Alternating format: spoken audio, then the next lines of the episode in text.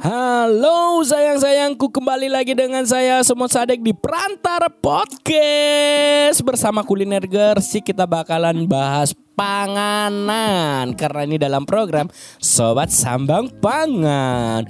Kemarin tuh kita udah ngebahas jajanan tradisional.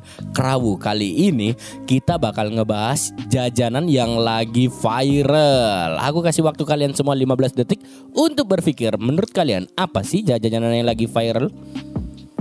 Ya benar sekali sayang sayangku. Dimsum. Dimsum di mana mana. Kemarin tuh kita udah ngelakuin responden ya. Kita tanya ke uh, ke akunnya kuliner Gersik kita tanya ke follower-follower dan respondennya dari 300 responden 270 orang menjawab dimsum. Ini tuh lucu-lucu komennya, lucu-lucu banget. Ada yang jadi tetap menjadi tim pentol dan ada tetap menjadi tim gorengan. Ada juga nih beberapa yang menjadi tim dimsum. Tapi entah kenapa, entah kenapa saya nggak tahu nih. Gresik kenapa kok selalu lata dengan jajanan-jajanan yang lagi viral. Contohnya dulu itu ada es kepal Milo. Terus ada uh, Taiti, Boba, Taichan, terus banyak lagi dari jajanan viral dan yang seperti yang kita tahu nih. Namanya jajanan viral yang tiba-tiba mendadak langsung banyak dan langsung di mana-mana biasanya itu tidak long last biasanya. Kayak contoh nih eh, kita ambil es kepal Milo. Es kepal Milo itu bertahan cuman sampai bulan puasa tiga tahun yang lalu. Dulu waktu puasa di mana-mana es kepal Milo. Es kepal Milo lima belas ribu sepuluh ribu lima ribu ya kan terus Taichan sate Taichan. Asli yang bikin orang Jepang. Sate Taichan apalah apalah apalah. Tahiti juga kayak gitu. Gitu boba juga. Dan ngomongin jajanan viral yang kali ini tuh dimsum. Dimsum di mana mana kita harus akuin. Dan entah kenapa harganya semuanya tulisannya start mulai seribu. Menurut responden yang kita tanya nih semuanya hampir uh, ada tujuh orang yang yang mengatakan kalau startnya mulai seribu tapi sampai kedainya kok nggak ada yang harga seribu. Harganya start dari tiga ribu sampai lima ribu. Gimana nih? Gimana nih Min? Waduh berabe nih kita kalau kayak gini dan banyak juga yang bilang kayak gini Yang lucunya orang-orang ini Aku beli habis 15 ribu Tapi nggak kenyang min. Gak nyenggol usus blas. Hei Hei sayang sayangku. Tak cipok loh yo. Kalau mau kenyang Makan dimsumnya Kasih nasi. Kasih nasi atau lontong. Biar kayak Oh kalau kita makan mie Kenyang kalau disorong pakai nasi atau lontong ya kan? Nah yang lebih yang lebih ini lagi ya, yang lebih fenomenal lagi dari dimsum ini. Kalau dulu kita tahu nih, dimsum itu uh, yang jualan dimsum rata-rata semua ada gerainya. Kayak mie setan, ichi sushi, ichiban sushi. Ichiban sushi ada nggak sih? Dimsumnya ada ya? Ada lah. Ada lah. Pokoknya uh, yang kita tahu dulu itu orang-orang yang jual dimsum itu rata-rata di tempat atau di kedai. Nah, zaman sekarang itu kebanyakan orang yang jual dimsum itu dijual di uh, jajanan kaki lima atau street food. Nggak tahu asalnya dari mana dimsum bisa tren.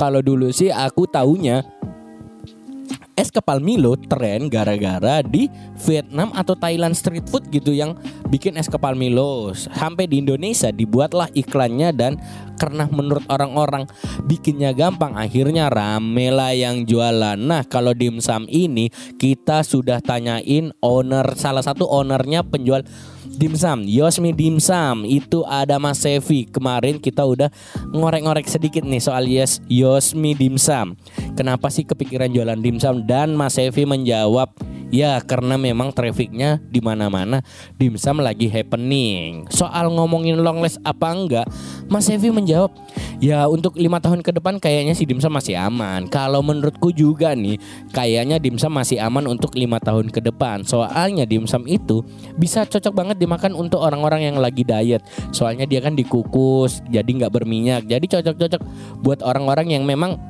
aduh aku lagi mengurangi konsumsi minyak nih untuk sehatin tenggorokanku. Ya cocok lah. Tapi menurut responden kalau untuk dikukus-kukus saja pentol lah. Yo iso min. Iki soro iki. Ini susah banget.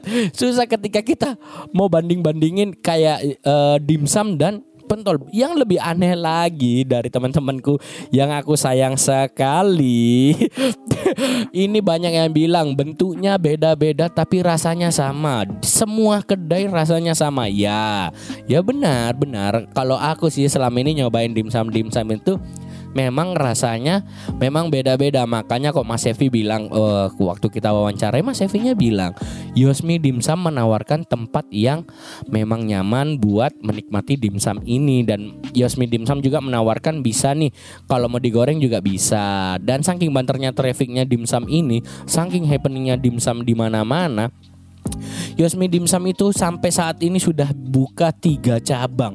Keren nggak tuh? Pecah nggak tuh dimsum? Memang sih, uh, kalau saya sebagai orang yang tidak terlalu suka dengan makanan-makanan kayak dimsum dan yang lainnya, memang ya akhirnya tergoda untuk mencoba. Soalnya di mana-mana, cuy. Di GKB itu ada salah satu jalan yang macet gara-gara orang jual dimsum seribuan. Saya nggak tahu juga. Saya nggak ngerti juga orang-orang ini kenapa mau mampir gara-gara harganya seribuan kah? Atau memang gara-gara rasanya atau memang coba kalau aku semisal disuruh nyoba mungkin nyoba gara-gara kok banyak sekali sih orang-orang yang uh, jualan dimsum akhir-akhir ini nggak tahu kenapa. Kalau Mas Evi tadi menjelaskan memang karena trafficnya dan di Surabaya, di Malang itu orang-orang pada jualan dimsum. Dan sampai saat ini tuh tren dimsum dari mana awalnya sampai sekarang itu masih teka-teki. Mungkin teman-teman bisa menjawab di kolom komentar podcast ini ketika kami upload di perantara podcast atau di kuliner Gersik. Mungkin ada yang tahu nih oh, dimsum awalnya trennya dari mana kok bisa sampai sehappening sekarang ini? Untuk dimsum bertahan apa enggak?